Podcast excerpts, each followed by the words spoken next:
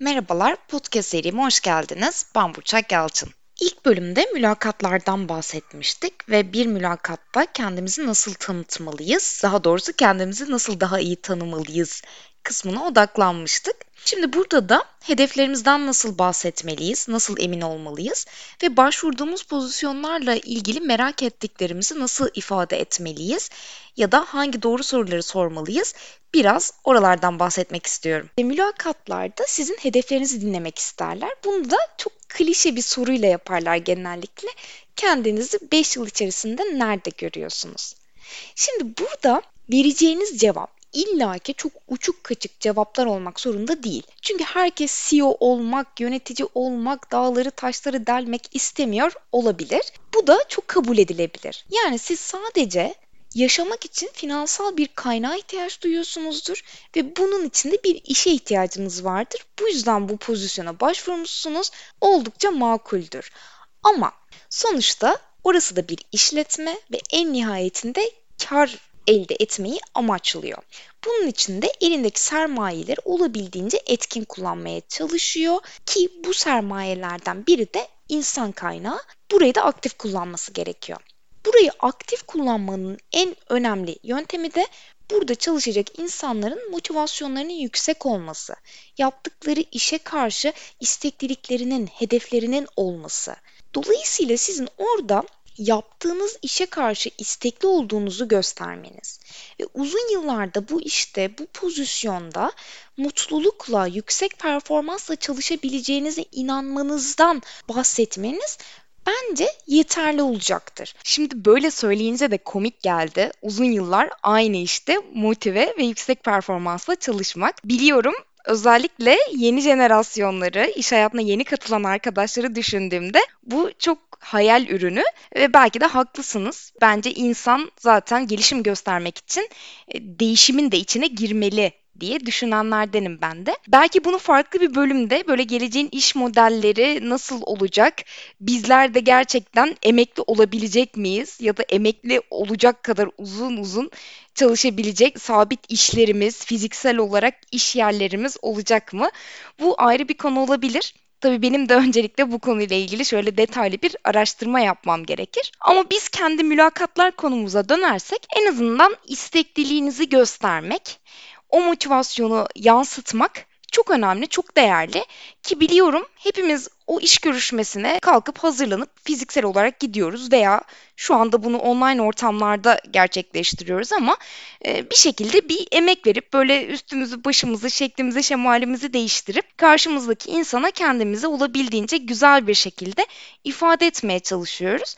Buradaki bu içsel motivasyonu güzel yansıtmak, hedeflerle beraber altı dolu karşı tarafa göstermek bence yeterli olacaktır. Ama bunu gösterebilmek için de önce bu pozisyonu, bu şirketi iyi tanımanız gerekiyor. Benim en çok karşılaştığım mülakatlardan bir pozisyona başvuran ama o pozisyonun ne iş yaptığını, o şirketin tam olarak ne yaptığını bilmeyen adaylar. Ki ben bunu aslında normal karşılıyorum.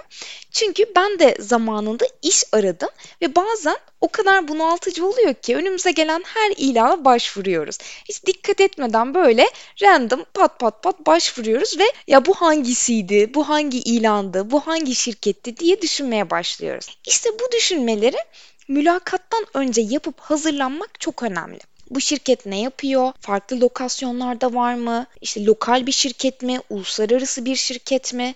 Ne üretiyor? Ne yapıyor? Kaç çalışanı var? Buralar kolaylıkla internetten bulunabilecek bilgiler veya bir tanıdığınız, bir yakınınız çalışıyordur o şirkette. Ondan da öğrenebilirsiniz. Bir diğeri başvurduğunuz pozisyonu bir incelemek. Yani bu pozisyon ne iş yapıyor, ne iş yapacak ve bu pozisyondan beklentiler neler benimle uyuşuyor mu? Geçtiğimiz bölüm dediğimiz gibi kendimize üçüncü bir göz olarak bakabilmek, yetkinliklerimizi keşfedebilmek. Şimdi o yetkinlikleri keşfettikten sonra ve pozisyonun da gerekliliklerini, yaptığı işi anladıktan sonra bunları eşleştiriyor muyuz? Eşleştiremiyor muyuz? Ki eğer eşleştiriyorsak o mülakatta anlatabilecek çok fazla şeyimiz var demektir ve hedeflerimizin de çok daha altı dolu, çok daha güzel ifade edilebilir olacağı anlamı taşıyabilir bu durum. Ama dediğim gibi bunun için gerçekten şirketi ilanı iyi araştırmak çok önemli.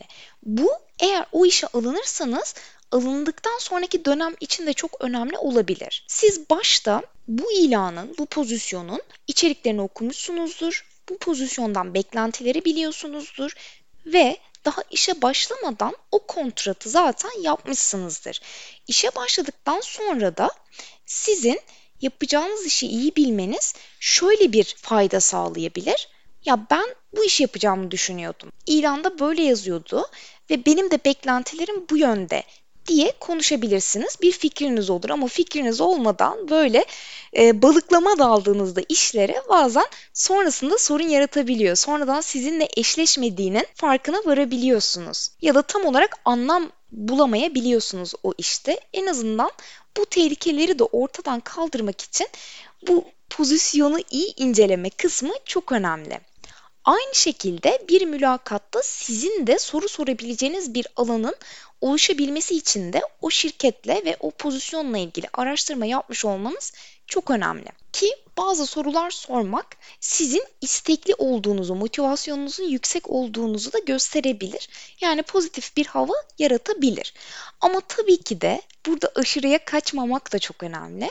Çünkü bazen adaylar bu motivasyonu yüksek görünme konusu için çok fazla soru sorabiliyor. Yani çok kolay internetten bulunabilir bilgileri sırf soru sormak için sorabiliyor. Belki bu çok da pozitif, negatif de olmayabilir, pozitif de olmayabilir. Ama sizin birazcık daha derinlemesine inceleme yaptıktan sonra gerçekten merak ettiğiniz sorular varsa oraları bir not edip gitmek ve sormak sizin için faydalı olabilir diye düşünüyorum. Şimdi bu iki bölüm boyunca güçlü taraflardan bahsettik, hedeflerden bahsettik. Gelelim potansiyel taraflarımıza.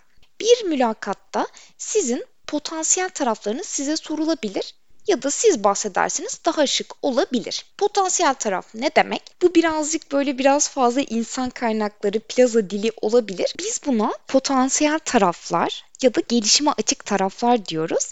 Ama adaylar tarafından daha yaygın kullanılan ismiyle zayıf taraflarım. Şimdi buraları konuşmaktan genellikle kaçıyoruz. Ama aslında kaçmamıza gerek yok. İyi bir mülakatçı sizin gelişime açık taraflarınızın farkında olmanızı pozitif bulacaktır. Çünkü bu farkındalığı ne kadar yüksek bir insan olduğunuzu gösterebilir. Dolayısıyla buraları bahsetmekten, buralardan konuşmaktan çekinmeyin. Çünkü kimse mükemmel değil ve herkesin gelişim açık tarafları var.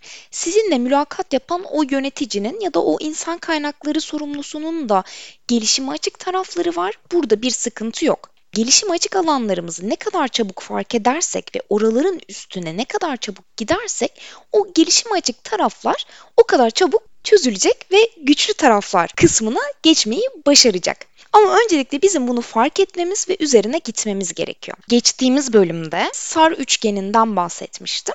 Şimdi bu SAR üçgenini oluştururken e, bir problemi illaki çözmenize gerek yok. Bir kazanım da elde etmiş olabilirsiniz demiştim. Yani örneğin siz bir problemle karşılaşmışsınızdır, onu çözememişsinizdir ama neden çözemediğinizin üzerine gitmişsinizdir. Örneğin iyi bir takım oyuncusu değilsinizdir, o yüzden çözememişsinizdir. Örneğin inisiyatif almanız gereken bir zaman vardır, almamışsınızdır, alamamışsınızdır. Kendinizle ilgili bir şeyi fark etmişsinizdir ve üzerine çalışmaya başlamışsınızdır ya da planlıyorsunuzdur. Mülakatlarda buralardan bahsedebilirsiniz. Şık olur. Neden şık olur diyorum? Farkındalığı yüksek bir profil çizmiş olursunuz.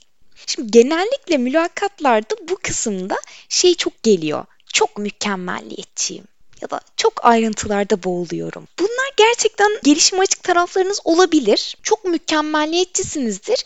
Bir işi bir türlü sonuca ulaştıramıyorsunuzdur. Ya da kendinize bir türlü güvenemiyorsunuzdur. Hep süreçte takılı kalıyorsunuzdur. E, sonuç bir türlü sizi tatmin etmiyordur. Bu da olumsuz bir hava yaratıyordur iş hayatında kabul edilebilir. Ya da gerçekten çok ayrıntıcısınızdır. Çok ayrıntılarda boğuluyorsunuzdur ve bu sizin zaman yönetiminizi etkiliyordur. Zamanı etkin kullanamıyorsunuzdur. Bu da kabul edilebilir. Ama genellikle benim tecrübe ettiğim bu taraflarda adaylar bu kısmı birazcık daha pozitif bir hava yaratmak için kullanabiliyor diyebiliyor. Yani benim en kötü tarafım her şeyi çok mükemmel yapmam diyebiliyorlar. İşte tam olarak bu noktada bunu yapmanıza gerek yok. Çünkü mülakatı yapan kişi sizden mükemmel bir insan olmanızı beklemiyor. Güçlü yanlarınızla, gelişme açık yanlarınızla farkındalığa sahip olmanızı ve buraların üstüne gitmenizi, buraları daha da güçlendirmenizi istiyor. Sizin de bunları görmeniz çok önemli. Şimdi bu iki bölüm boyunca konuştuklarımızı şöyle bir kısaca toparlamak istiyorum. Nelerden bahsettik? Mülakatlardan bahsettik. Yetkinliğe dayalı mülakat tekniğinin nasıl bir teknik olduğundan bahsettik yetkinliğin ne olduğundan bahsettik. Becerilerimiz dedik, yeteneklerimiz dedik ve bir mülakatta da bu becerilerimizi göstermemiz gerek ama bunu gösterebilmek için de üçüncü bir göz olarak kendimize bakabilmemiz ve yaşadığımız olaylara odaklanabilmemiz gerek dedik. Bu yüzden bir mülakata gitmeden önce geçmişte bulunduğunuz işlere, aldığınız rollere bir kere daha bakın. Nasıl bir profildiniz? Neler yaptınız? Şöyle bir gözlemleyin kendinize ve öyle gidin. Bu bir tek size mülakatlarda değil, hayatınızda da işe yarayacak bir şey olabilir. Çünkü aslında sosyal hayatımızda da iş hayatımıza benzer profiller çizebiliyoruz. Oraları görmek belki size farklı farkındalıklar çıkartabilir. Aynı farkındalıkla gelişim alanlarınıza odaklanmak da size fayda sağlayabilir. Yeter ki siz kendinize ve yaşadığınız olaylara üçüncü bir göz olabilin dedik. Daha sonra hedeflerden bahsettik hedeflerimizi oluşturabilmek için önce başvurduğumuz işlere, şirketlere bir araştırma yapmak, bakmak ve bizimle uygunluğunu kontrol etmemiz gerek dedik. Bu güçlü yanlarımızı, gelişim açık yanlarımızı fark ettikten sonra.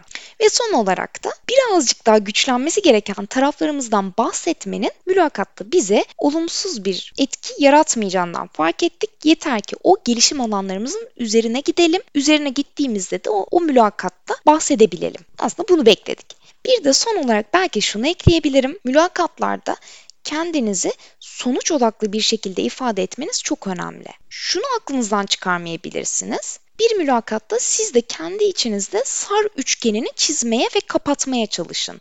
Durum neydi? Sizin rolünüz neydi? Ne yaptınız? Ve sonucunda ne oldu?